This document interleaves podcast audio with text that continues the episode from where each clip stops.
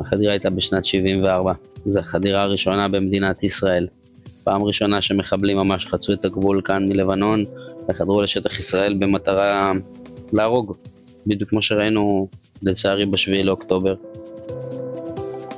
היי, אני הילה וייסברג ואתם מאזינים לצוללת של גלובס.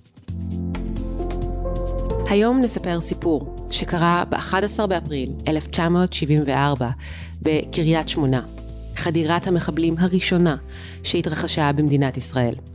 זה סיפור שבמבט לאחור מקפל בתוכו מעין נבואה מצמררת למה שקרה לצערנו 50 שנה אחר כך, ב-7 באוקטובר 2024.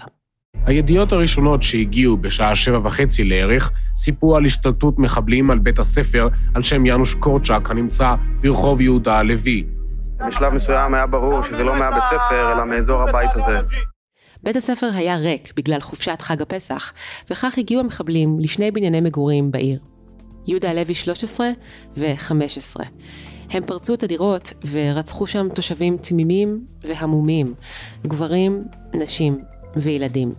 16 במספר ועוד שני חיילים. גם אז, כמו היום, התושבים חיכו שעות עד שהגיעו כוחות הביטחון למקום, וחלקם גם יכל להינצל, לו הם היו מגיעים קודם לכן.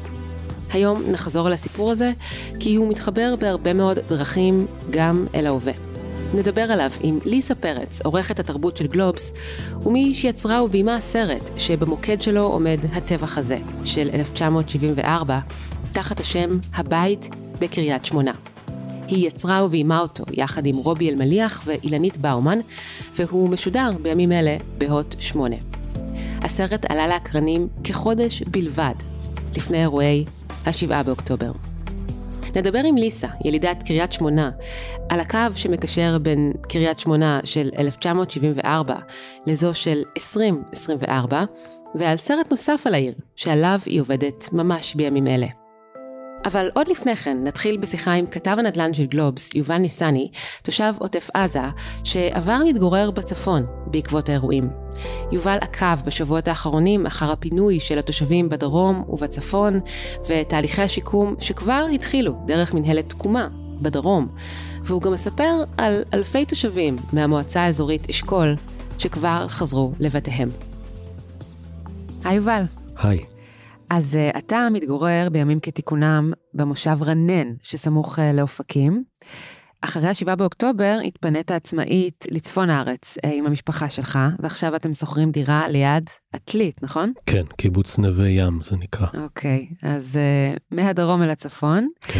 התכנסנו כדי לדבר על תמונת המצב של המפונים, גם בצפון, גם בדרום, תכף ככה תיתן לנו סקירה. אבל בוא נתחיל עם הסיפור האישי שלך, על קצה המזלג, עד כמה שתוכל לספר, השבעה באוקטובר, מה קרה לכם, וגם אה, לחברים שלך אה, בעוטף עזה, שנמצאים בכל מיני יישובים, עד כמה שאני מבינה. כן, אז אה, אנחנו היינו ב-7 באוקטובר ברנן, במושב, mm-hmm. שהוא ממש צמוד לאופקים, וכולנו יודעים באופקים אה, מה התחולל, אצלנו למרבה המזל לא היה...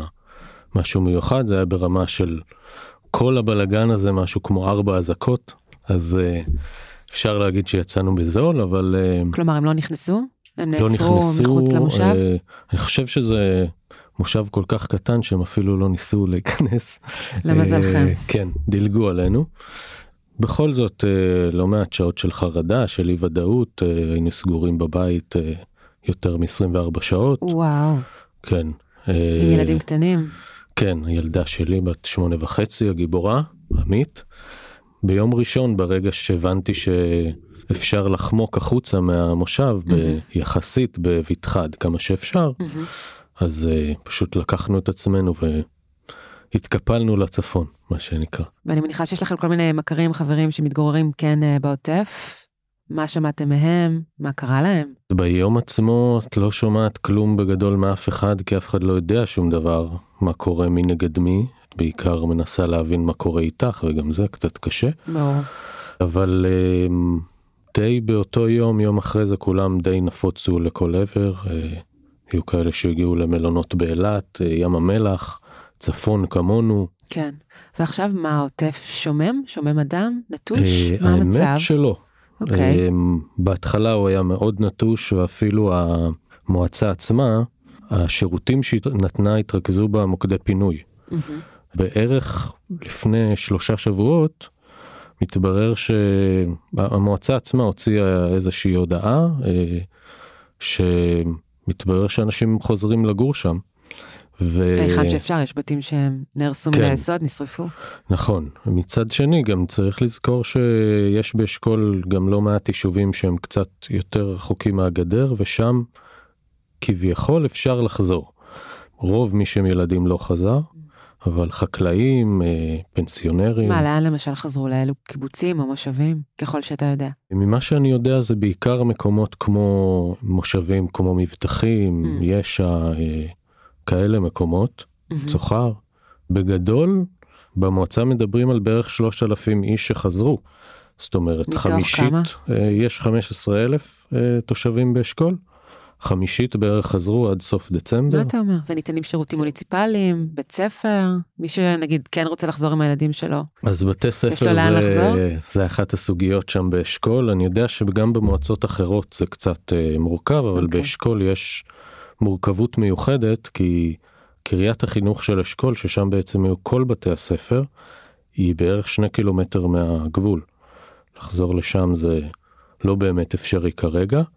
מנסים במועצה לתת כל מיני פתרונות מה שנקרא בית ספר עורפי מהמם. התושבים לא ממש אוהבים את זה לפי מה שאני יודע. אז בגלל זה רוב מי שחזר זה לא אנשים עם ילדים. הבנתי, אוקיי. אז מה התוכניות שלכם מבחינת אם ומתי לחזור הביתה? זה מאוד מורכב. זאת שאלה שמרחפת אה, פחות או יותר מהיום הראשון. כרגע התכנון הוא להישאר עד סוף שנת הלימודים, מהמם. לתת אה, לבת שלי קצת איזושהי יציבות עד סוף שנת הלימודים. היא כבר הספיקה לעבור שני בתי ספר. בשלושה חודשים האלה, אבל ילדה גיבורה וחזקה היא יודעת להתמודד. וואו. אמ, ואז לראות. כן, נגיע לסביבות, אה, אני מאמין, אפריל-מאי, ואז נחליט מה באמת עושים. אבל זה הכיוון כרגע. ואתה חושב שהלך הרוח הזה מייצג אנשים נוספים אה, שמתגוררים ביישובי העוטף? כלומר, הם תוהים אם ומתי לחזור, חלקם יחזרו, חלקם לא? כן, האמת שיצא לי אפילו אה, אתמול לדבר עם מישהו משדרות שאמר לי שיש, הם כן היו רוצים לחזור אם הייתה מסגרת חינוכית. כל עוד אין מסגרת חינוכית, אה, הם מחפשים? פתרון לעד סוף שנה. זה פחות או יותר, לפי מה שאני מבין, הנטייה של רוב האנשים. אוקיי. אז בוא ניתן אה, ככה איזושהי סקירה, איזושהי תמונת מצב של המפונים, גם בדרום, גם בצפון, איפה הדברים עומדים, מהם המספרים. אז בגדול אנחנו מדברים על סביבות 130 אלף איש שפונו בעקבות המלחמה, בכל הארץ. שאם אני לא טועה זה המספר הכי גדול של מפונים אי פעם, פעם. ב- בהיסטוריה של המדינה. מהמם.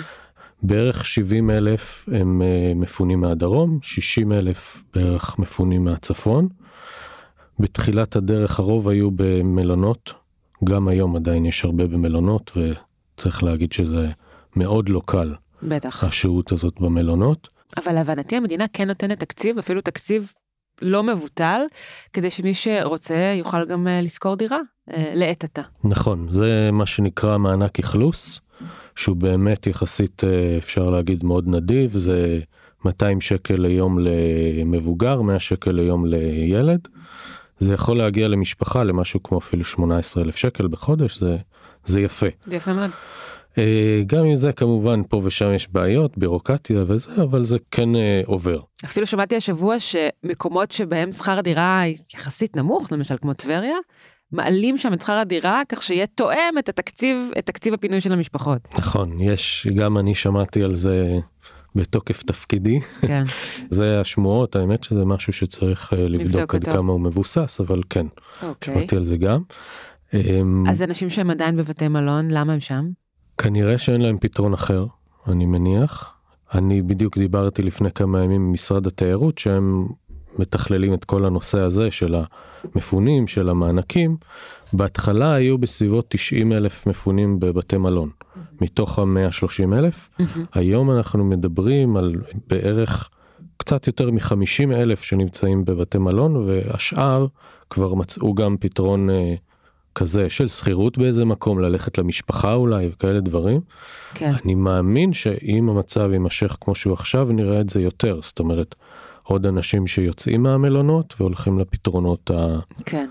הפרטיים, נקרא לזה ככה. ועדיין נראה שהמצב של מפוני הצפון מאוד שונה מהמצב של מפוני הדרום. כמובן שאין להשוות בין uh, מידת הפגיעה והחשיפה לאירועים, באמת uh, שני עולמות שונים לגמרי, אבל בכל הנוגע, אני חושבת ליכולת להיערך לעתיד, או לקבל איזושהי מסגרת לגבי העתיד, uh, אלה שני מצבים שונים. אז uh, תוכל להסביר? כן, אמרת שני עולמות שונים לגמרי, וזה נכון גם מהבחינה הזאת של... מה שחוו התושבים בטח. בכל אזור, שזה אין מה לתאר, לא, אין מה לתאר. וגם מה שקורה עכשיו. באופן אבסורדי, מפונים מהדרום, נגיד, ניקח לדוגמה אותי, אבל גם אה, מפונים אחרים, mm-hmm. עוד איפשהו יש להם איזה אופק. סוף שנת הלימודים נראה ונחליט. קודם כל ישנה מנהלת תקומה. ויש להם את מנהלת תקומה שכבר התחילה לעבוד ועובדת כבר אה, אני חושב כמעט שלושה חודשים. שהיא מופקדת בעצם על השיקום של אה, יישובי העוטף וגם על המענה שניתן אה, לתושבים. כלומר, כן. למשל יישובים חלופיים שניתנים לבינתיים ודברים נכון. מסוג זה. והיא קיבלה מנדט בעצם לחמש שנים קדימה mm-hmm. לעבוד ו- ולדאוג בעצם אפשר להגיד לכל מה שקשור לשיקום העוטף, מתשתיות ועד האדם הבודד. Mm-hmm. לעומת זאת בצפון יש מנהלת שהקים uh, שר הביטחון גלנט, הוא הודיע על זה לפני חודש אני 아, אה, חושב, אוקיי. אבל עוד אין משהו ממש אפקטיבי שקורה, מעשי, והיא גם בעיקרון אחראית רק על הצד הביטחוני. זאת אומרת, את רואה שהדברים פה מאוד uh, לא ברורים בכל מה שקשור לצפון, אף אחד לא יודע מה יקרה אין להם מושג, הם בחוסר ודאות גמור, כלום. זה מטורף. זה מטורף, הם כבר שלושה חודשים מחוץ לבית, אין להם מושג אם ומתי הם יחזרו, פשוט כן. לא יודעים כלום. אה, אם לדרום נקודת האפס הייתה 7 באוקטובר, למפונים בצפון עוד לא הייתה נקודת האפס, זאת אומרת, עוד לא התחלנו במובנים מסוימים. אמנם מי שכן נשאר שם בצפון ולא נשארו הרבה, לא. חווה מלחמה, מלחמה, אה, אין, אין ספק.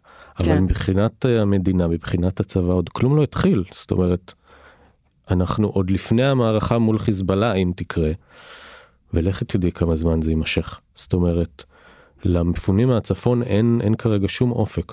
כן, באופן אירוני, כפי שהסביר אה, ראש עיריית אה, קריית שמונה אביחי שטרן, דווקא מכיוון שבדרום יישובים ממש הוחרבו, אין ברירה אלא לבנות אותם מאפס, בתים נהרסו מן היסוד, ואילו בצפון, הוא אמר, הבתים שלנו עומדים על תילם, אבל אין לנו מושג מתי נחזור לשם. כן, גם לא בצפון יודעים. הרבה בתים נפגעו. נפגעו, נכון. אבל זה לא בממדים האלה, mm-hmm. כן. בדיוק. והרבה אנשים אין להם גם לאן לחזור כרגע. אבל שוב, בניגוד לדרום, שכבר יש תהליכים, הם מגבשים אפילו חוק, חוק חבל התקומה, mm-hmm. שיסדיר את כל הסיפור. בצפון פשוט כרגע לא קורה כלום, זאת אומרת לא יודעים שום דבר, אני מאמין שגם גם למעלה לא יודעים כלום. זאת אומרת, אף וגם, אחד לא יודע. ולהבנתי גם חלק מתושבי הדרום פונו, יפונו, יועברו לכל מיני מגורים uh, זמניים, שכונות בקריית גת, אה, נכון, יש בתל אביב שכונות גם. בתל אביב, ברחוב הרצל. כן, יש כמה יישובים שאפילו כבר uh, נכנסו בפועל. שזה גם משהו לדעתי אגב מאוד יפה מצליחים לשמור שם לפחות את רוב הקהילה ביחד. נכון, שזה הבדל מאוד מהותי. בפרויקט אחד במתחם אחד, כן, שזה ממש יפה. יש uh, כאלה שנכנסו, למשל קיבוץ רעים, כבר התחילו להיכנס לפרויקט בתל אביב. כן, אז זה כבר קורה. אז שוב, בדרום דברים מתחילים לקרות, כאילו, כן. גם בדרום וגם לגבי מפוני הדרום, ולגבי מפוני הצפון, כרגע כלום. למה הפער הזה? והאם באיזשהו שלב הוא יתחיל להיסגר? אני לא פרשן צבאי, אבל כן. בתחושה שלי זה יתחיל להיסגר כשתתחיל מלחמה שם, כנראה, כמו תמיד פה. כשמשהו יתחיל באמת לבעור, אז יתחיל לבעור גם למדינה לטפל בזה. זאת התחושה שלי לפחות האישית. ובכל זאת אתה ככה בגלובס על תקן uh, כתב פרשן uh, נדל"ן, כן. מה עשויות להיות ההשלכות uh, על מחירי הנדל"ן? של מה שאנחנו רואים גם בדרום וגם בצפון, מחירי השכירות, מחירי הדיור, האם אפשר אה, לשרטט איזשהו אה, כיוון? האמת שלא. אם בזמנים רגילים קשה לדעת מה יקרה, כמו למשל סתם אני אתן דוגמה כשיצאנו מהקורונה, ההתפוצצות שהייתה פה בנדל"ן אף אחד לא חזה, או כמעט אף אחד לא חזה, גם פה מאוד קשה לדעת. מה שכן ברור זה שאם האיום של חמאס בדרום באמת אה, יוסר, כל האזור הזה של העוטף, הערים, המושבים, הקיבוצים, לפני השבעה באוקטובר הוא היה בשגשוג מטורף, כל האזור הזה. מדהים. כי אנשים הרגישו בטוחים? כן, איזשהו ביטחון מאוד שקרי, מתברר. בטח. אם האיום של החיזבאללה יוסר, או לפחות ירגישו שהוא יוסר, אני, לדעתי האזור הזה עוד יפרח פי כמה ממה שהוא פרח עד היום. אמ, וואו, אתה אופטימי. אני. מנסה. נחמד לשמוע אני תחזיות לא- אופטימיות. אני לא בטוח שאני אופטימי לגבי האם האיום יוסר, אבל בהנחה. שכן. כן. אבל באמת, בהנחה שכן, אני חושב שכל האזור הזה, גם בגלל המיליארדים שישפכו עליו דרך תקומה ומכיוונים אחרים, גם האהבה של האנשים שם לאזור הזה, זאת אה, אהבה מאוד גדולה, אז האזור הזה יכול לפרוח בטירוף. לגבי הצפון, שוב, לאף אחד אין מושג לאיפה זה הולך וילך. כן, אז אני חושבת שחשוב להעביר את המסר שיש עשרות אלפי אנשים שלכל הפחות רוצים איזושהי מסגרת של אה, ודאות ואופק, אה, וזה מאוד חשוב לתת אותה. יובל ניסני, תודה רבה. בשמחה.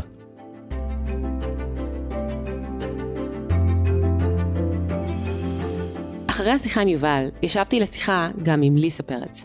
נפגשנו בבית אריאלה בתל אביב, שעות ספורות לפני שהוקרן שם הסרט שיצרה וביימה עם שותפיה, על הטבח הנורא שאירע בקריית שמונה בשנת 1974. שמו של הסרט הוא הבית בקריית שמונה. אמנם אז הם היו רק שלושה מחבלים ולא אלפים רבים כמו בשבעה באוקטובר. ובכל זאת, הדמיון בין האירועים אז והיום הוא מדהים ומצמרר. הוא בהכרח גם מעורר הרבה מאוד שאלות, כמו האם נדונו לחיות על חרבנו? ובעיקר למה? למה לכל הפחות אנחנו לא מצליחים ללמוד כמו שצריך מלקחי העבר? היי ליסה. שלום הילה. הגעת לקריית שמונה כילדה בשנת 1981, ממש רגע לפני שפרצה מלחמת לבנון הראשונה. ולמעשה את מאוד, כידוע לרבים אה, מהמאזינים שלנו, אה, מאוד מזוהה עם העיר עד היום, במידה רבה בזכות מונולוג וידאו נוגע ללב ומאוד מאוד מיוחד, אה, שנתת בתחילת שנות ה-80, והופיע במסגרת סרטון תעמולת בחירות של מפלגת הליכוד. אמרתי לה, אני בוכה בגלל שאני מתייאשת, אני כבר מתייאשת, עזבי אותי, אני רוצה ללכת מפה, אני רוצה להרים את החפצים, ללכת מפה, אמא. אני לא רוצה להישאר פה. אני לא יודעת עכשיו לצחוק, ואני לא יודעת עכשיו לראות את הפרח, ואני לא יודעת עכשיו לחשוב ולדמיין, ולכתוב, ולצייר, ולכתוב שירים. את זה עכשיו, ברגע הזה, אני לא יכולה. אז בואי ספרי ליסה, מה הביא אותך לקריית שמונה, איך הגעת לשם? אני נולדתי וגדלתי בניו ג'רזי בארצות הברית, אוקיי. ואבא שלי נפטר בשלהי 80, בשנת 80, וזמן קצר אחרי זה אמא שלי החליטה לעלות לישראל כעולה חדשה. אמא שלי אוקיי. אמריקאית, אבל היו לה, היו לה כאן קרובי משפחה, כולל אבא, והגענו לקריית שמונה אחרי שניסינו, אמא שלי ניסתה לפני קריית שמונה לחיות בכל מיני מקומות לזמנים מאוד קצרים. אוקיי. וזהו, הגענו לקריית שמונה, כן. אמא שלי מגיעה, עולה חדשה, כעבור כמה שנים היא נישאה בשנית לאדם בשם גבי פרץ, שהיה אבא החורג שלי, ומכאן שם משפחתך. ומכאן שם משפחתי, זה, זה לא השם משפחה שלי, אבל אני נושאת אותו בגאווה ובגאון. מהמם. 81 הייתה שנה מאוד מאוד קשה בקריית שמונה. פרצה מלחמת אה, לבנון הראשונה, די כמעט פחות משנה משהגענו, והיה לנו מקלט אה, תת-קרקעי בבניין שגרנו בו, ושם העברתי המון המון המון זמן, המון המון המון המון המון זמן. מה זה המון זמן? אני חושבת שכמעט חודש וחצי, שההפוגות היחידות הן הפוגות אה, בעצם שהצבא וכוחות הביטחון מורים לאנשים בקריית שמונה לצאת באיזשהו מרחב סמוך, כלומר באיזה מעגל של כמה מטרים. זה ההפוגות היחידות, אבל רוב היום ישנו, אכלנו, התקלחנו, ראינו טלוויזיה, שמענו רדיו, שיחקנו, השתעממנו, בכינו, צחק, כלומר, כל החיים שלי היו מתחת לאדמה.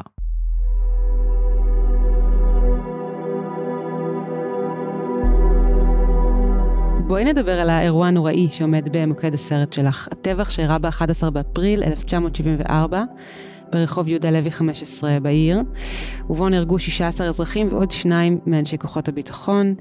זה אירוע שדי נשכח uh, מהתודעה, אין לו זכר בשיח הציבורי, כפי שאת בעצמך אה, אומרת בסרט. מה גרם לך לרצות לעשות סרט דווקא על האירוע הזה? הקדשת לה עבודה עליו שנים רבות uh, מחייך, כך סיפרת לי. נכון. אני עובדת על הסרט הזה משלהי 2017. וואו. אבל הסרט הזה קיים בי למעשה מהרגע שבעצם התוודעתי לבניין הזה. הבניין הזה, מי שמכיר שוב את קריית שמונה, יודע כמה הוא סמוך לבית האחרון בשדרות תל חי, לבית שבו אני גרתי. ואני חושבת שהייתי בת תשע או עשר, שיום אחד הלכתי עם אימא שלי ברחוב הזה, ברחוב יהודה הלוי, והיא יצאה מול הבניין, בניין מספר 15, והיא אמרה לי ככה, ואת זה אני ממש זוכרת, היא אמרה לי, את רואה את הבניין הזה, ליסה? פה לפני שנים נכנסה חוליית מחבלים ורצחה את כל הבניין. עכשיו, אני ככה הייתי בהלם מהדבר הזה. גם מה שהיא אמרה לי, התוכן, וגם איך שהיא אמרה לי את זה. ואני זוכרת שגם כן, אני לא, אני לא יכולה להגיד לך את השמות, אבל נגיד אימא שלי והחברות שלה, שהם דיברו על הבניין הזה, זה היה מין אזור רדיו-אקטיבי כזה, אסור להיכנס אליו. הוא היה נטוש לאורך שנים, כן, אני לא יודעת מה מצבו עכשיו. נטוש כמה שנים, היום הוא מאוכלס. מאוכלס. והיה לי ברור, מהרגע שידעתי שמה שקרה שם בבניין, mm-hmm. הייתי ילדה, כן? היה לי ברור שיום יבוא, ויבואו מחבלים ויהרגו גם אותי. שהם ירדו עוד פעם מההר, וייכנסו לבניין שלי, וגם אותי הם יהרגו. עכשיו, אם הם הרגו את אלה שביהודה הלוי, אין שום סיבה שהם לא יהרגו אותי. זה אותו דבר. וזה סיפור שדובר בקרב תושבי העיר. בוודאי, בוודאי. וכן נצרב ב... לפחות בזיכרון הקולקטיבי של קריית שמונה. אני נותנת לך עכשיו זיכרון של ילדה ואדם בוגר, אז אני אתחיל רגע בילדה. בתור ילדה, זה מה שאימא שלי סיפרה, בימי זיכרון היה לנו היכל תרבות שכל קריית שמונה הייתה מתאספת, והיו את החללים, והיה את חללי הטבח הזה. כלומר, הם היו בקטגוריה שלהם. כן. ו- ואני זוכרת את הרחש הזה של הנאי והבכי, כשהשמות שלהם עולים. ואני זוכרת את עצמי, ילדה קטנה יושבת במושבים שם, מסתכלת ואומרת, מי זה האנשים האלה? עכשיו, היה לי עוד דבר שעשיתי, וכמובן אמא שלי לא ידעה מזה, אני הייתי נכנסת ויוצאת מהבניין הנטוש הזה. אה, ברצינות. הוא משך אותך מאוד, כן. סקרן אותך. עכשיו, גם כשהיו כבר אנשים, גם הייתי נכנסת ויוצאת, הייתי עולה, והייתי יורדת במדרגות, והייתי מסתכלת בפיר, וואו. ואז הייתי יוצאת החוצה ולראות איפה, כמה חלונות יש בכל קומה, איפה יש חבלי כביסה, וכל החישובים שלי בראש היה, איך נגיד אם אני אהיה שם בבניין הזה, איך יכולתי אני להציל אותם? או אם יקרה לי דבר כזה, איך אני אנצל? איך אני אברח? עכשיו עשיתי את זה המון המון פעמים. המון. ואיך יכול להיות שהאירוע הזה באיזשהו אופן, כמו שאת אומרת, נשכח מהתודעה? התנדף, התאדה. תראי, ממש כמו השבעה באוקטובר, האירועים בשבעה באוקטובר, גם האירוע הזה הוא בעצם מתחילתו ועד סופו הוא מחדל אחד גדול. ממש. רואים בסרט את כוחות הביטחון עומדים מחוץ ל... את הצבא וכוחות הביטחון עומדים מחוץ לבניין, לא חותרים למגע, חסרי אונים לגמרי, מבועתים. כשישנם אנשים שמתבוססים בדמם בפנים, אפשר היה להציל ברור, אותם. ברור, והאזור לא סטרילי גם. וזה לצערנו כל כך מהדהד את מה שקרה לנו רק לפני חודשים ספורים. והאזור לא סטרילי, אוקיי? Mm-hmm. ומלא אנשים, כלומר, אתה צופה בזה, תוך כדי. וזה אירוע מתגלגל, זה קורה כמה שעות, זה לא נגמר תוך עשר דקות. ואני חושבת ש... אני לא חושבת, אני בטוחה. כוחות הביטחון וצה"ל עד היום לא מוכנים לקחת אחריות על האירוע הזה. כשאנחנו ניגשנו לפתוח את המסמכים שקשורים לאירוע הזה, עטפו אותנו. המשפחות, צאצאי המשפחות, הדור השני, מנסה שנים לפתוח את המסמכים. וכל כמה זמן מעלים את החיסיון. זה היה בהתחלה 30 שנה, היום זה 60. אבל ליסה, מעבר לזה, זו טראומה. זו טראומה שלכאורה הייתה צריכה לחקק בתודעה, ולא רבים יודעים על האירוע הזה. תראי, צחוק הגורל שבאותו יום שזה קרה, גולדה התפטרה בעקבות אגרנט. זה תפס את רוב הכותרות.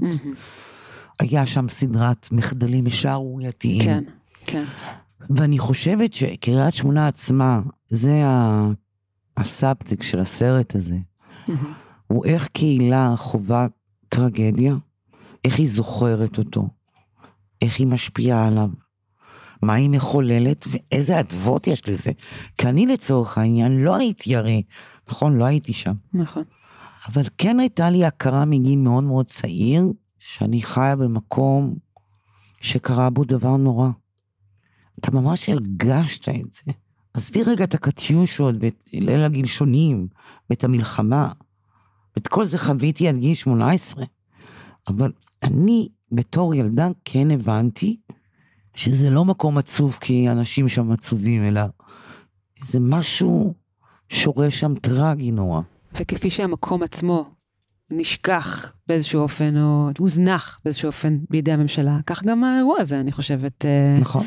אה, נשכח. הוא משקף את אבל היחס רגע שהמקום שהוא קיבל לא כפריפריה. מונצח ולא כתבו עליו כמעט מהמם. בשנים שאחרי. את יודעת, לא עשו ממנו איזשהו אירוע מחולל. מה שחמור בעיניי, זה בעצם שכחו את הקהילה בקריית שמונה.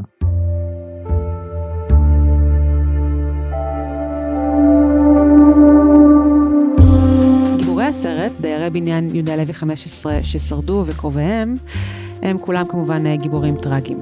חבר הכנסת לשעבר והעיתונאי כיום, יגאל גואטה, איבד בפיגוע את אחיו וגיסתו, יעקב ומרים גואטה, אחרי שניסו להושיט עזרה לשכנים, ונרצחו מיד בידי המחבלים. בואי נשמע אותו.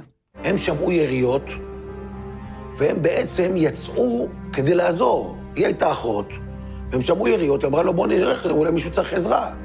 ואז הם פגשו את המחבלים, מה שנקרא face to face, גם הם נרצחו ביחד. הם היחידים שנורו, אחד בראש ואחד בלב, אבל הם מתו שלמים. הם היו זוג חבל על הזמן. אירית שטרית, כיום בת 58, היא היחידה מבני ביתה שניצלה. העדות שלה ושל אביה יוסף שטרית, שאיבד את כל משפחתו אה, בטבח מלבד אה, איריס, הן מהמטלטלות ביותר בסרט. איריס החזיקה ביד של אח שלה מוטי, כשהתחברו מהמחבלים באחד החדרים, אבל אה, ברגע אחד הוא עזב את היד שלה, ואז אה, המחבלים ירו בו. בואי נשמע את איריס. הדלת נבעטה. כולנו היינו בפינת האוכל, אני פשוט רואה דמויות. הימני שנעמד ממש מולי היה עם נשק. אחד היה עם שפה מאוד עבה. שום דבר אנושי לא היה שם במבט הזה. כלום. ליסה, אלה מונולוגים הם מחרידים, שוברי לב, שמקבלים משמעות שונה לגמרי אחרי השבעה באוקטובר. דפוס הפעולה של המחבלים וגם השתלשלות אירועים היא מאוד דומה, כמובן שהסקייל הוא שונה לחלוטין, הם היו חוליה של מחבלים, כמה מחבלים בודדים, אנחנו התמודדנו עכשיו אה, בשבעה באוקטובר עם אלפים. אלפים. אבל בואי נחזור לעדויות. בואי נשמע את עמרה מנדי בן שימול, אחד הניצולים היחידים מהבניין, מספר איך הכל התחיל. שטרן, הסבתא, היא צרחה, וזה דלת מולי. זה הפחיד, כי הם, הם היו מאחורי הדלת שלי. אוקיי, אז שמענו את עמרה בן שימול מזכיר את משפחת שטרן. ואכן הסבתא הנשה, אדל, ובתה בת השמונה, רחל, נרצחו גם הן בפיגוע. ופה אנחנו מתחברות גם אל ההווה של קריית שמונה, כי נכדה של הנצ'ה הוא ראש העיר הנוכחי, אביחי שטרן.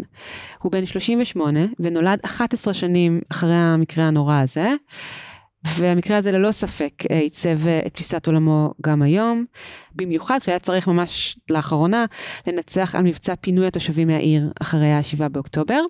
אז אה, לפני ככה ימים ספורים שוחחתי עם אביחי שטרן, רציתי לשמוע לגבי המצב בקריית שמונה, לגבי המפונים, לגבי העתיד, לגבי מה שהוא חושב שצריך לעשות עכשיו, אבל גם דיברתי איתו על האירוע הזה, אז בואי נשמע את אביחי שטרן מתייחס אל הטבח ואל הקשר בין אז להיום. החדירה הייתה בשנת 74. זו החדירה הראשונה במדינת ישראל. פעם ראשונה מהמם. שמחבלים ממש חצו את הגבול כאן מלבנון וחדרו לשטח ישראל במטרה להרוג, בדיוק כמו שראינו לצערי בשביעי לאוקטובר. ואותם דיירים זה היה נשים, ילדים וטף, ביניהם הדודה שלי בת שמונה בלבד, ואימא של אבא שלי, בעצם סבתא שלי, ואנחנו יכולים להגיד, כאילו, 50 שנה אחרי, ולמעשה לא למדנו הרבה. כמו היום, גם אז, mm-hmm. התושבים, האזרחים, החפים מפשע, התבוססו בדמם, וחיכו שיגיע כוח סיוע של גולני כדי להתמודד עם המחבלים שהתבצרו בקומה האחרונה באותו בניין. הייתי מצפה שחמישים שנה אחרי אנחנו נפיק לקחים, אנחנו נלמד ודברים כאלה לא יקרו יותר, אבל זה קרה. את יודעת ליסה, בסרט אפילו נשמעת uh, הצהרה ממש uh, מצמררת, שגם מוכרת לנו מעכשיו, כן? של אחד המחבלים, uh, לפני שיצא לפיגוע, כן. uh, כאשר הוא אומר בערבית, אני נמצא בשיא האושר, כי אני הולך להקריב את עצמי למען המולדת.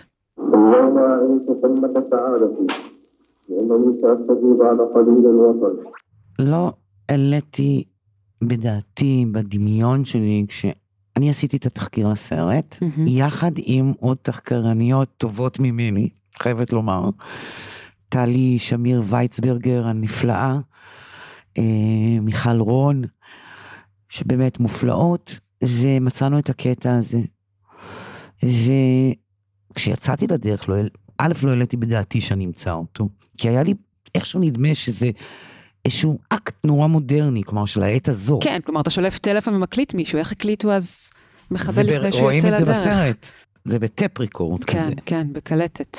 זה פשוט כל כך מוכר לנו מימינו אנו, לכן זה כל זה כך מחריד ומצמרר, זה, הם, את יודעת, הם אומרים פחות או יותר את אותם דברים, אותם מילים, אותם אותה טקסטים, כוונה, אותם ברור. טקסטים, אותה אידיאולוגיה, אז והיום. לגמרי, אותו דבר. אותו דבר. 50 שנה עברו ונראה שכלום לא השתנה, ובדיוק זה מה שאומר אביחי שטרן, ראש עיריית אה, קריית שמונה. בוא נשמע אותו מדבר על מה צריך לעשות, כדי שלפחות מה שקרה ב-7 באוקטובר לא יקרה בשנית. אנחנו צריכים לשנות דיסקט, להסיר את הכפפות משי, ולהסיר את האיום. קודם כל, כל מי שיש לו דם יהודי על הידיים, צריך לדעת שדמו בראשו. וכל איום על השמדת מדינת ישראל צריך להיות מחוסל ומושמד קודם לכן. אביחי, מה הדומה ומה השונה בין המציאות היום בקריית שמונה לבין זו שהכרת בילדות שלך? בילדות שלי לא היה כיפת ברזל ולא היה צבע mm. אדום, הטילים פשוט היו נופלים, ואז היו מתחילים לצאת בג'יפים של משמר הגבול עם כריזה ופשוט כורזים ברמקול כל התושבים להיכנס למקלטים. וככה היינו מודיעים על האירועים.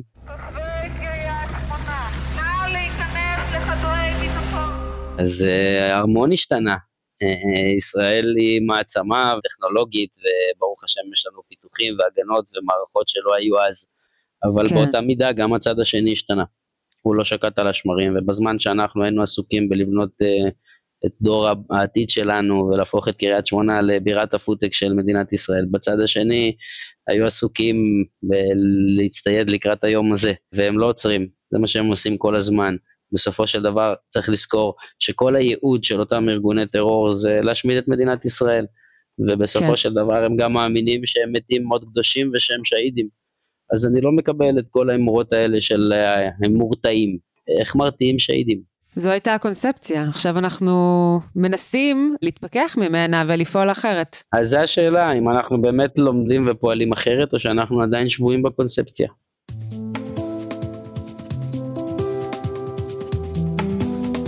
ליסה, אז בואי נחזור להווה ונדבר על קריית שמונה של אחרי השבעה באוקטובר. למעשה, את uh, עובדת ממש בימים אלה על סרט נוסף על העיר שמתעד את הפינוי של התושבים ומצבם אחרי הפינוי. אז איך נראית קריית שמונה הנטושה, שבה רק אלפים בודדים מתוך 24 אלף uh, תושבים שנמצאים בה בימים רגילים? ממש בימים הראשונים של הפינוי, צלצל אליי חברי ארז בן סימון, שהוא uh, צלם קולנוע. הוא גם uh, היה שותף לחלק האחרון של הסרט הראשון שלי, הבית בקריית שמונה. Mm-hmm. והוא אמר לי, תשמעי ליסה, בוא נתעד את הפינוי. בוא נתעד את המפונים בערים. בואי ניצמד לאירוע הזה שקורה עכשיו, כי הוא אירוע דרמטי. כי מעולם, מעולם העיר לא פונתה. זה תקדימי בהיסטוריה של המקום. ו...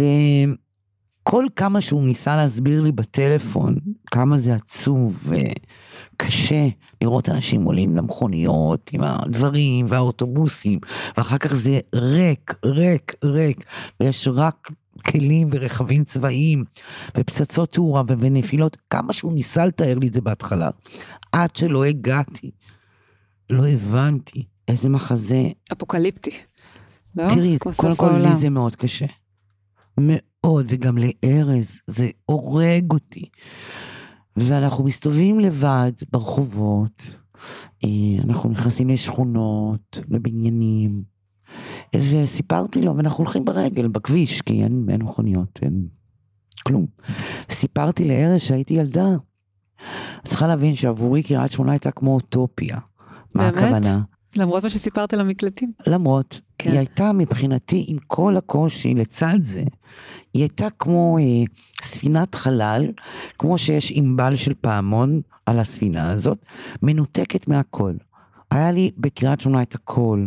עצב ושמחה וטבע וחברות וחוויות והרפתקאות ודברים קשים. אבל היא הייתה עולמי, היא הייתה כל עולמי.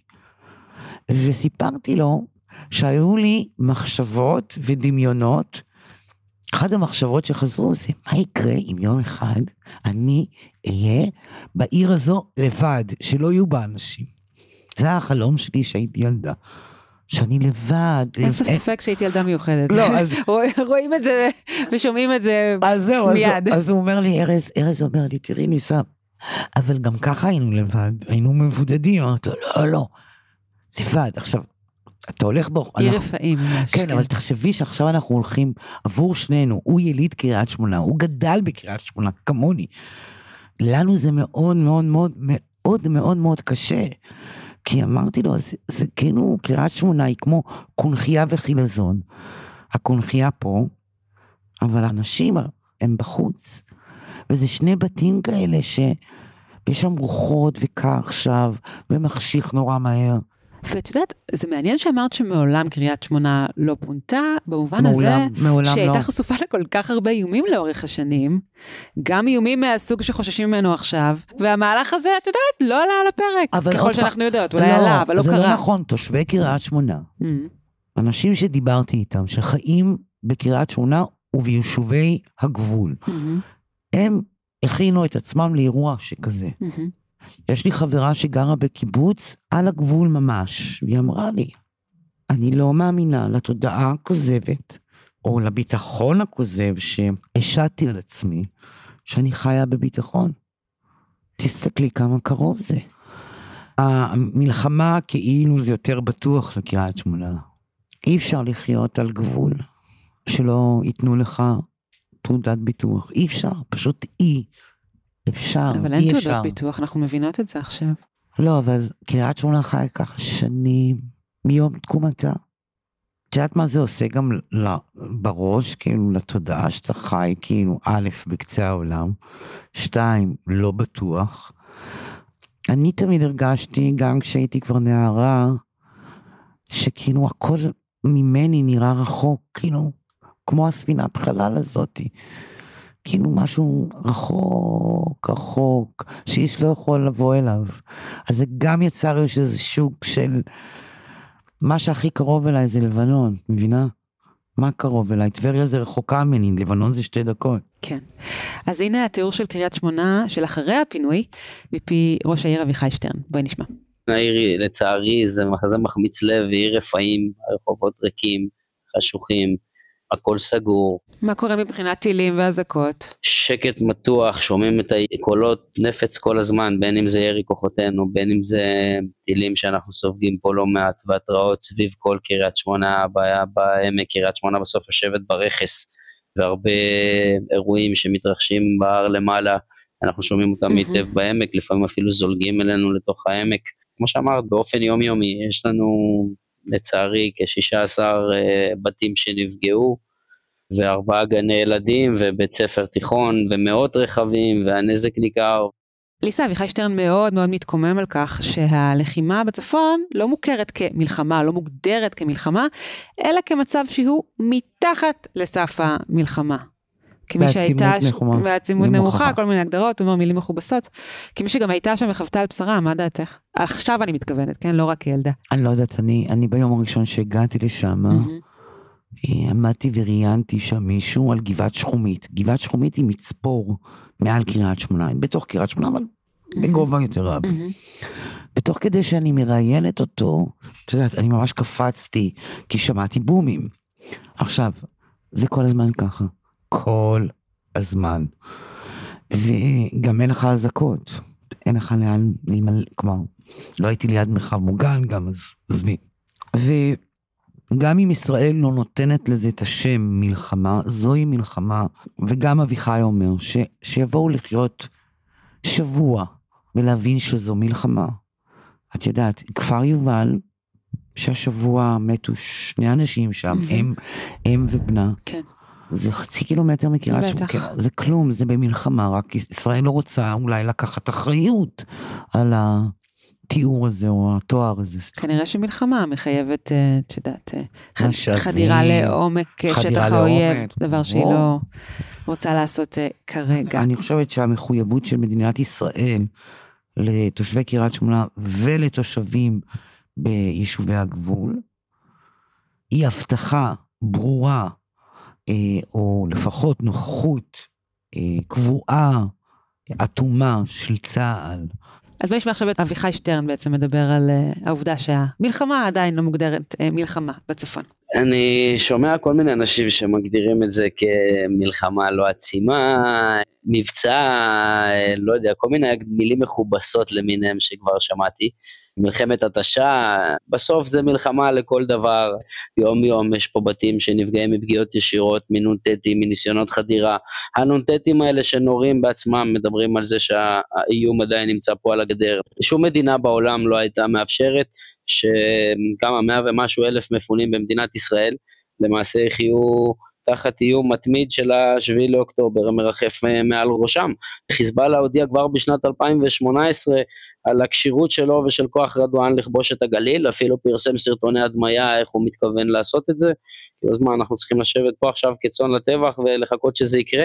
אם עד השביעי לאוקטובר לא חשבנו שדבר כזה יכול לקרות, אני חושב שעכשיו אנחנו צריכים להתפכח, לא לאפשר לדבר כזה, לאיום כזה, לשהות פה על הגבול, לשגר ממנו נ"טים יום יום, אז הנה הוא על הגבול. ושום מדינה ריבונית גם לא הייתה מאפשרת את זה. ועל זה אני מדבר, שאני מתכוון, צריך לנהוג ביד קשה יותר. כלומר, אה, ישראל מגיבה, אבל אתה אומר לא פועלת באופן אקטיבי כדי אה, לסלק את האיום. בסוף פינו אותנו בגלל איום שמרחף מעל ראשנו. כל עוד האיום הזה לא הוסר, אי אפשר לדבר איתנו על אה, חזרה. אז אה, ליסה, בתחילת הפרק דיברתי עם יובל ניסני על כך שיש הבדל מאוד גדול כיום בין מפוני הצפון למפוני הדרום. במובן הזה שלמפוני הדרום, באמת, אה, את יודעת, אם נשים לרגע עד כמה שאפשר באיזה שהם סוגריים את האסון המזעזע שהם אה, חוו, יש ודאות, יש אופק מסוים לגבי העתיד שלהם. אה, הם יודעים, אוקיי, שיש איזשהו מסלול שהם, שהם הולכים בו, ואילו מפוני הצפון לא יודעים שום דבר. מה את שומעת מחברים, ממשפחה. על הנושא הזה? אני שומעת מהחברים שלי והמשפחה חרדה כלכלית, תעסוקתית, חרדה נפשית, חרדה לילדים שלהם. יש לי חברים שרוצים להישאר, שאחד מבני הזוג רוצים להישאר והשני לא. זה כבר יוצר איזשהו, באמת, דברים נוראים בתוך הזוגיות. יש um, אנשים שרוצים למכור את הבית, אבל הם לא יכולים למכור את הבית, הם שקועים בתוך משכנתה. ואין להם אפשרות לקנות בית חדש במקום אחר, כי זה יקר יותר. יש אנשים שאת יודעת, הרוב ממשיכים לעבוד, לא ממשיכים לעבוד. הרוב, אה, הרוב לא. אני מוקפת בחברים ובני משפחה מאוד מאוד מאוד מאוד אכולים מדאגה. אכולים, מכורסמים. אה, עצבניים, מודאגים, הילדים מודאגים. כי זה לא נופש, כן? להיות בחוץ. בטח שלא. וזה גם איזה מין סוג של אה, אי אחריות עליהם. זה עוד פעם, זה לא לוקחים עליהם אחריות. פליטות בארץ, כפי שהרבה אנשים לא, אומרים, זה, כן. זה לא, עוד פעם, אביחי דיבר על מנהלת, מנהלת אה, שתלווה את קריית שמונה. הדבר הזה לא הוקם. הם שוכנים בבתי מלון, אוקיי? באפס מעשה. לא עובדים. המסגרות החינוך של הילדים לקח זמן, אבל הם התהוו. יש כאלה שעוד מחכים להתהוות. וזה עוד פעם, זה איזו תחושה עמוקה של הפקרות. ואת יודעת, הפקרות יוצרת זעם נוראי. זעם ומרמור וכעס, וגם איזה פסימיות נוראית. נכון. אני מכירה את זה בקטנה. ו... בסוף מי שיכול לעזוב עוזב. עוד פעם, עוזבים מכל מיני סיבות. אני עזבתי את קריית שמונה כי רציתי להיות עיתונאית. Mm. היה לי ברור שאני אהיה עיתונאית, וידעתי שאני אוכל להיות עיתונאית רק בתל אביב, מה לעשות? עכשיו, את קריית שמונה אני מאוד מאוד אוהבת, חשוב להגיד את זה. בטח. אני מרגישה, תמיד אומרים לי, את עשית כברת דרך מהזמן שהגעת מקריית שמונה לתל אביב, כלומר מהחיים הבוגרים שלי, ואני תמיד מתקנת, ואני אומרת, עשיתי כברת דרך עוד יותר ארוכה כשחייתי שם, Mm. 11 שנה. מבחינתי זו הדרך הארוכה שעשיתי. נכון שרוב החיים שלי אני לא חיה שם, אוקיי? צריך גם את זה לומר שוב. אבל בנפש שלי, את הדרך הארוכה וה... שמאוד מאתגרת הייתה, אה, אבל גם אוטופית, כמו שהסברתי לך, היא הייתה העול... העולם כולו, כאילו. ממש, בעניין אומר את זה גם יגאל גואטה מאוד יפה בסרט. כן, היא הייתה כמו, כל העולם. אומר, לא היה לנו כסף, אבל לא הרגשנו שאין לנו. תאר את זה גם כסוג של אוטופיה. אז אני מתארת אוטופיה, כשאני אומרת כן. אוטופיה, אם מסתכלים בסרט, הסצנה הראשונה, ממש הפריים הראשון, הוא קריית שמונה, היא מעוננת, ואז העננים מתבהרים. ואמרתי לרובי, רובי, אני רוצה שנצלם את קריית שמונה רק מלמעלה, רק את הערים, ושהיא יוצאת מבין העננים. כי ככה דמיינתי אותה. והוא הוא עשה לי את זה, הוא קולנוען, הוא יש לו את הידיים לעשות שפה, אני יודעת להגיד את זה. היא כאילו יצאה מבין העננים. ובכל זאת, אם ניגש שוב רגע באי הוודאות שמרחפת מעל אה, תושבי קריית שמונה המפונים, בכלל תושבי הצפון, בוא נשמע איך רואה את הדברים אה, ראש העיר, אביחי שטרן. אנחנו נמצאים בחוסר ודאות, אנחנו עוד לא יודעים לאן הולכים ואנחנו עוד לא יודעים כמה זמן זה יימשך. הבתים כרגע, אה, למעט אותם 16 בתים בקריית שמונה שספגו פגיעות, אה, הם עדיין אה, קיימים, יש לנו בסופו של דבר לאן לחזור ואנחנו מתגעגעים, מצפים ומקווים לחזור אליהם אפילו במהרה. אני חושב שמגיע לתושבי הדרום את הכי טוב שאפשר וצריך וחשוב לייצר להם ודאות, גם אצלנו, פונינו מביתנו, הנסיבות שונות וצריך לייצר אותה ודאות גם לתושבי הצפון וכבר היום לעסוק ביום שאחרי כדי שתושבי הצפון יחזרו לבתיהם, לא משנה אם בטווח הקצר או הארוך, אנחנו צריכים, יודעים שכשהם יחזרו הם צריכים כבר לחזור לשגרה שלהם אחרי לא מעט זמן אה, ולא אז רק נתחיל להקים מנהלות ורק אז נתחיל לבדוק ורק אז נתחיל לשפץ. אז אם אנחנו חושבות בכל זאת על אם ואיך אפשר לבנות אופק לתושבי הצפון בכלל, קריית שמונה בפרט, וכן לנסות להמשיך איזושהי תנופה שבכל זאת ראינו אה, שמגיעה לעיר בשנים האחרונות, מה לדעתך צריך לעשות? אמרתי לך על, על המנהלת, המנהלת הזו עכשיו צריכה להיות שם עשר שנים, חמש, עשר שנים. כלכלית, חינוכית. שיקומית, כן, לשקם את המבנים ואת המקומות, הכל, ולייצר לא, רק, ביטחון. לב- כן. זה לא רק מבנים, זה באמת, זה צבא מסביב. נכון. זה הכין עוד בתי ספר, את האוניברסיטה, להזריק לשם, כמו שגואטה אמר, זה לא מעניין אף אחד לעשות את זה, להזריק לשם איזה בוסט כלכלי של כסף ומשאבים בכלל. כן. יש עדות בסרט שבה אומר אחד התושבים אחרי הטבח, יכול מאוד להיות שלא יישאר כאן. ובאמת, על פי הנתונים שאתם מציגים, 40% מהתושבים הוותיקים עזבו אז כן. בשנים האלה את העיר. אמנם בהתחלה כשהיו קטיושות זה לא הבהיל אותי, אבל היום שכבר ישנם חדירות עד לתוך הבתים, ייתכן מאוד שאני אעזוב את המקום. ואגב, שאלתי את אביחי שטרן, מה קרה ל-26 חברות הסטארט-אפ שהוא הצליח אה, בעמל רב, הוא ושותפיו, אה, להביא לעיר בשנים האחרונות אחרי המלחמה, וזו הייתה התשובה שלו. הלב נחמץ, כרגע אף אחת מהם לא נמצאת בתוך העיר, באופן טבעי העיר פונתה והם אה, פונו. והעתיקו את הפעילויות שלהם החוצה. עד כמה אתה חושש שלמעשה ההישגים האלה ייגדעו, התושבים לא יחזרו, החברות לא יחזרו, כמה זמן ייקח לעיר להתאושש, אם בכלל. אם אני מסתכל על המלחמות הקודמות, תמיד הייתה הגירה שלילית לאחר אה, לחימה ונפילות בעיר בטח, כן. ואירועים אה, מאתגרים כאלה. אני יכול לתת לך דוגמה, הילה, היינו לפני שנה במשלחת אה, של עשרת רשויות שנמצאים בסיכון לרעידות אדמה בשבר הסורי-אפריקאי, אה, והפגיש אותנו עם ראש רשות של אה, לואיזיאנה, שמתאר עיר שנפגעה מאחד מאסונות הטבע שם, ולקח להם שנתיים שלוש לשקם את העיר. הוא מתאר שאחרי שנתיים שלוש, 40% מהאוכלוסייה לא חזרה לעיר. אם לאמריקאים לקח שנתיים שלוש לשקם, אני חושב שהם יעילים, וכנראה שלנו ייקח קצת יותר זמן, אפשר רק לדמיין. ולכן נכון לחשוב כבר היום על היום שאחרי, לייצר את אותה כיפת ברזל כלכלית, בסדר? כיפת ברזל היא לא. רק נגד טילים, היא גם לסייע להם ולייצר תמריצים ולעודד את ההתיישבות פה ואת העסקים פה ואת הפיתוח פה ואת תעשיית הפודטק, שבאמת כמו שאמרת שגשגה והצליחה כאן לפני ואסור לעצור את זה. צריך רק לטפח את זה, לעודד את זה, לתמרץ את זה, בטח לחזק את הקיים ולתמרץ נוספים להגיע. חשוב לי לומר משהו. אמרתי לך קודם שהאזרחים לא חובה עליהם להמציא את הפתרונות, אוקיי? אז אני רוצה רגע לדייק את זה. אני חושבת שחובה עליי כיוצרת, יש לי חובה אחת, והיא ליצור על דברים מהמקום האישי שלי, והמקום האישי שלי הוא קריית שמונה. והמשמעות של זה, שאני את כל הסרטים שלי אעשה על קריית שמונה. מה את אומרת? אני רוצה לעשות טרילוגיה, אני מתכוונת.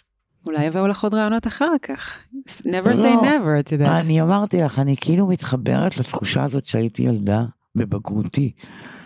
שאמרתי, אני חיה במקום שעוד לא פוענח ולא דובר ולא יודעים עליו. ויש כל כך הרבה סיפורים שאתה רק צריך להרים אותם. אז זה החובה שלי. ליסה, המסר שאת רוצה להעביר אה, בסרט, לפחות כפי שאני אה, קוראת אותו, אה, בנוגע לטבח הנורא של 1974, אה, בעיקר נוגע להפקרות, דיברת על זה עכשיו, שחוו התושבים לא רק במהלך האירוע עצמו, אלא אני חושבת בעיקר אחר כך, כי הם לא קיבלו כמעט שום סיוע רגשי, והרגישו שנשכחו לגמרי. אה, ולפחות במקום הזה נקווה שנלמד מהעבר ונעניק אה, לנפגעים ולמפונים מהדרום ומהצפון עכשיו את התחושה שהם לא לבד, שהמדינה אה, כן אה, רואה אותם. איריס אומרת בסרט שהיא קיבלה, בעצם היא הייתה בטיפול לראשונה לפני 15 שנה. גואטה מספר שהוא מעולם לא היה בטיפול. פרופסור מולי להד, בעל, שהוא בעל שם עולמי לטיפול בטראומה, הגיע שנים אחרי והתחיל לעבוד עם הילדים של קריית שמונה. כלומר, זו עיר שלא רק הופקרה, הנפש שלה הופקרה, הפרט והקהילה. כלומר, אנשים לא דיברו ולא גוננו עליהם ולא הושיטו להם יד. עכשיו, מילא הממשלה, אוקיי? או המוסדות הממשלתיים. אני, אה, הייתה לי שיחה מדהימה לפני כמה שבועות עם קיבוצניקית בת 70. המרחק בין הקיבוץ שלה לקריית שמונה הוא כחמישה קילומטרים. היא צפתה בסרט והיא אמרה לי, היא שיתפה אותי שהוא טלטל אותה ושהיא לא ידעה עד כדי כך, כלומר היא הכירה את האירוע. ואז היא אמרה לי את המשפט שהוא שבר לי באמת את הלב, הילה, הוא, הוא ממש גרם לי לבכות. היא אמרה, תראי ליסה, זה נורא מוזר שאנחנו חיים לידכם, ו, ובכלל כל הקיבוצים, ושלא עזרנו לכם ולא... לא התגייסנו עבורכם. התג... ותראי, כולם היום הולכים לדרום, איך זה שלא עשינו את זה? אף אחד מאיתנו לא עשה, אנחנו השכנים שלכם, אנחנו כאילו גרים קומה לידכם, או בית לידכם. זה עימם אותי, ושמחתי עם כל הכאב לשמוע את הדברים שלה, שמחתי, כי יש פה איזו הכרה של עוול. ואני חושבת שמה שהמשפחות, בטח של הבניין, שהן מתחקות אחרי המסמכים שלא נותנים להם, ומה שלא טיפלו בהם, זה איזה תיקון של עוול. כן. זה אנשים שעשו להם עוול נוראי. אז בואי נשמע שוב את יגאל גואטה מתייחס לכך שהתושבים בעיר, בוודאי שורדי הטבח, לא קיבלו כמעט שום סיוע מהמדינה. בית הספר לא, לא, לא התעסק בכלל בזה שאני ילד למשפחה שכולה ומה אני עובר בכלל. אין בן אדם אחד בכל מערכת החינוך הזאת שיודע לקחת אותי וללמוד את הבעיה שלי ולראות איך עוזרים, כי זה קריית שמונה. אגב, אמרו שתבוא פסיכולוגית לשבת איתי. אני מחכה לה עד היום. אז ליסה, מסר לסיום. הקו שמקשר בין קריית שמונה של 1974 לבין קריית שמונה של 2024. איך את רואה אותו? עד השביעי באוקטובר, כלומר עד יום לפני, אני הייתי בטוחה שעשיתי סרט הנצחה. זאת הייתה המוטיבציה שלי. אני רציתי שאנשים יראו את האנשים האלה, ידעו על האירוע הזה, וישמעו רשומון של טרגדיה. שטרגדיה שפיצלה וסדקה את הקהילה שלנו, כי זה מה שזה קרה אגב. משפחות שם, את יודעת, מהבניין עזבו את העיר, זה פיצל משפחות. זה הכניס חרדות איומות, אנשים נטשו, הייתה הגירה שלילית, היה ועדה קרואה, כלומר זה עשה איזה שרשרת של כאוס. אז אני המוטיבציה שלי הייתה להראות את זה, להנציח את זה. רציתי שהם גם ידברו, שלא ידברו עליהם, רציתי שהם יספרו את זה. ואז הגיע, הגיעו האירועים הנוראים בשבעה באוקטובר בעוטף עזה. זה מאוד מאוד בלבל אותי, כי פתאום העבר, אני מתחתי קו, היה לי ברור שזה העבר, ואנחנו חיים בהווה, וזה די התבלבל לי. כי זה כמו textbook קטן של הדבר הגדול. בדיוק. כלומר, קורה השבעה באוקטובר, ומה מה את חושבת? מה קורה לי, לך? רובי אומר לי, ליסה, אוי ואבוי, תראי, זה מה שאמרנו. ואת עוד היית צריכה לשכנע אנשים, להסביר להם על מה את עושה את הסרט, בפרזנטציות, כן? למה זה חשוב, למה זה רלוונטי. כן. כן. ואז אמרתי לעצמי, היה לי גם איזה כמה שבועות פסיכיים, כן? אמרתי, אוי ואבוי, זה כמו נבואה, אני קצת מאמינה באמונות ולא... אז אמרתי, אוי ואבוי. כי גם צריך לציין שהסרט באמת עלה לאקרנים ולשידור. חודש, 30 ימים, 30. יאללה. ועוד היה לי דיון מול הוט, אולי אחרי החגים. אמרתי, לא, לא, לפני החגים. אמרתי, אם אנשים בארץ, הם יראו, הם... כי אמרו לי, הם נוסעים בדרך כלל לחו"ל, אין רייט, אמרתי, לא. ועכשיו אני גם מדברת על הסרט בהקשר שהוא באמת, הוא החשוב באמת, זה מה שרציתי תמיד לדבר עליו. תמיד, תמיד, תמיד, תמיד. ש? הקהילה, על זיכרון, על כאב של הפרט, זה מה שרציתי להראות, כלומר, עוד הרבה לפני השבעה, זה מה שרציתי לעשות עם הסרט הזה. חוץ מלהראות את האנשים, לספר על האירוע, אלא מה זה עושה. כי אני יודעת מה זה עשה לי. אני לא, אני לא הייתי שם, תביני, אבל כמו שאמרתי בתחילת השיחה, הייתה לי תחושה שחייתי במקום אה, מפחיד וטרגי עם האוטופיה. וכשאנשים צופים בסרט עכשיו, אחרי השבעה באוקטובר, מהן התגובות? איך הוא מתקבל? מה אפשר ללמוד? יש אנשים שזה טריגרי עבורם, זה ברור לי. יש אנשים שזה באמת טריגרי, וזה... ואנשים מקריית שמונה, הם אומרים, הנה, אנחנו יודעים מה זה. בגלל זה נמלט, אנחנו יודעים. אנחנו עברנו את זה. את יודעת, אני לסיום מספר לך שהייתה לי ההקרנה השנייה אחרי ירושלים הייתה בקריית שמונה. Hmm. בהיכל התרבות, אותו היכל תרבות. סגירת מעגל. כן, שישבתי כילדה במושב העץ ואמרתי, זה היה אירוע שהוא מבחינתי היה כמו חוויה דתית, ממש.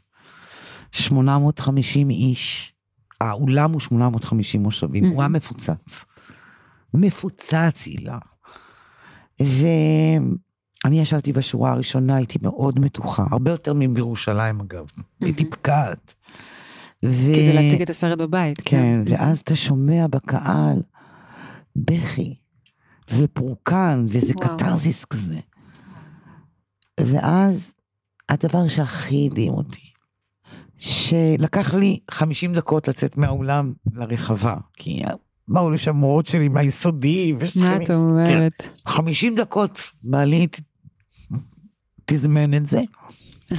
ואז ברחבה שממול ההיכל התרבות היו 400 איש, שדיברו ובכו וחיבקו אחד את השני. אחד את השני, עזבי, לא אותי, אבל הם עם עצמם, הם דיברו את זה. הם דיברו את זה ואמרו, אתה זוכר? והם אמרו, אנחנו, לא דיברו איתנו, לא, לא, אנחנו לא דיברנו על הדברים האלה. זה היה אחרי השבעה באוקטובר? לא, זה, זה היה אחרי mm. הפסטיבל הקולנוע בירושלים, ואני זכיתי להיות בהקרנה הזאת, מבחינתי זה, זה מעמד דתי היה. התרגשתי ובכיתי, והם בכו, והם ביניהם. ובאותו אולם בתור ילדה שצפיתי, שם עשיתי את זה. אז בואי נסיים עם אמירה מאוד מאוד חזקה ועצובה של יגאל גואטה, על כך שקריית שמונה לא באמת מעניינת אף אחד, לא אז ולא היום. זכורה בהקשר הזה האמירה של ראש הממשלה נתניהו לפני כמה שנים לתושבת העיר אורנה פרץ, שהעזה לבקר אותו, זה היה אז בהקשר של חדר מיון קדמי, זוכרת? את לא מעניינת אותנו, את משעממת אותנו. וזה כמובן גם נכון, אה, היה נכון לתושבי העוטף, שבמשך שנים התלונות שלהם על חיים תחת קסאמים ובלוני תבערה, לא ממש עניינו אף אחד. אז אה, בואי נשמע את אה, יגאל גואטה. אף אחד לא מעניין אותו שמישהו יישאר בקריית שמונה, כי אין מקומות עבודה, כי המדינה לא מכניסה את היד שלה לכיס ועושה משהו מהותי. רק כשיש קטיושות, כשיש טילים, מגיעים חברי כנסת ושרים, מצטלמים, עושים תמונות, מספרים סיפורים, מבטיחים הבטחות, הקריה הולכת אחורה. המקום הזה לא מעניין אף אחד. כל הממשלות לדורותיהם, קריית שמונה לא מעניינת אותם. נקווה שתושבי הדרום והצפון יתחילו לעניין באמת, באמת, את הקברניטים. מסר אחרון לסיום, ליסה? משהו שאת רוצה להגיד? אני רוצה שתושבי קריית שמונה יחזרו לבתים שלהם. ושאת יודעת, שייתנו להם את הביטחון שהם ראויים, כי הם החלוצים האמיתיים, אגב, של הציונות הנוכחית, במתכונתה הנוכחית. יושבי הגבולות, כן, בהחלט. והם אה, זכאים לה. זה מה שאני רוצה. ולעשות עוד סרטים על קריית שמונה. זה עוד יקרה, את, את עושה. ליסה פרץ, תודה רבה. תודה רבה לך. עד כאן עוד פרק של הצוללת. אתם יכולים למצוא אותנו באתר גלובס, בספוטיפיי או בכל אפליקציות פודקאסטים. נשמח אם תעשו לנו subscribe, ואם אהבתם, דרגו אותנו גבוה, ושילחו את הפרק לחברה או חבר שאתם אוהבים. אור שמיר, המוכשר, ערך את הסאונד, והפעם זו הייתה מלאכת מחשבת של ממש. אז תודה רבה רבה אור. אם יש לכם הצעות למרואיינים, לנושאים לפרקים או תגובה מכל סוג שהיא, אתם מוזמנים לשלוח לי מייל בהילה, h-i-l-a, מקף אמצעי w, את גלובס, g-l-o-b-e-s, נקודה co.il, או לחפש אותי במדיות החברתיות השונות. תודה לכולכם שהאזנתם. תודה לליסה פרץ, ותודה לאביחי שטרן. אני הילה וייסברג. נתראה בפעם הבאה. 拜拜。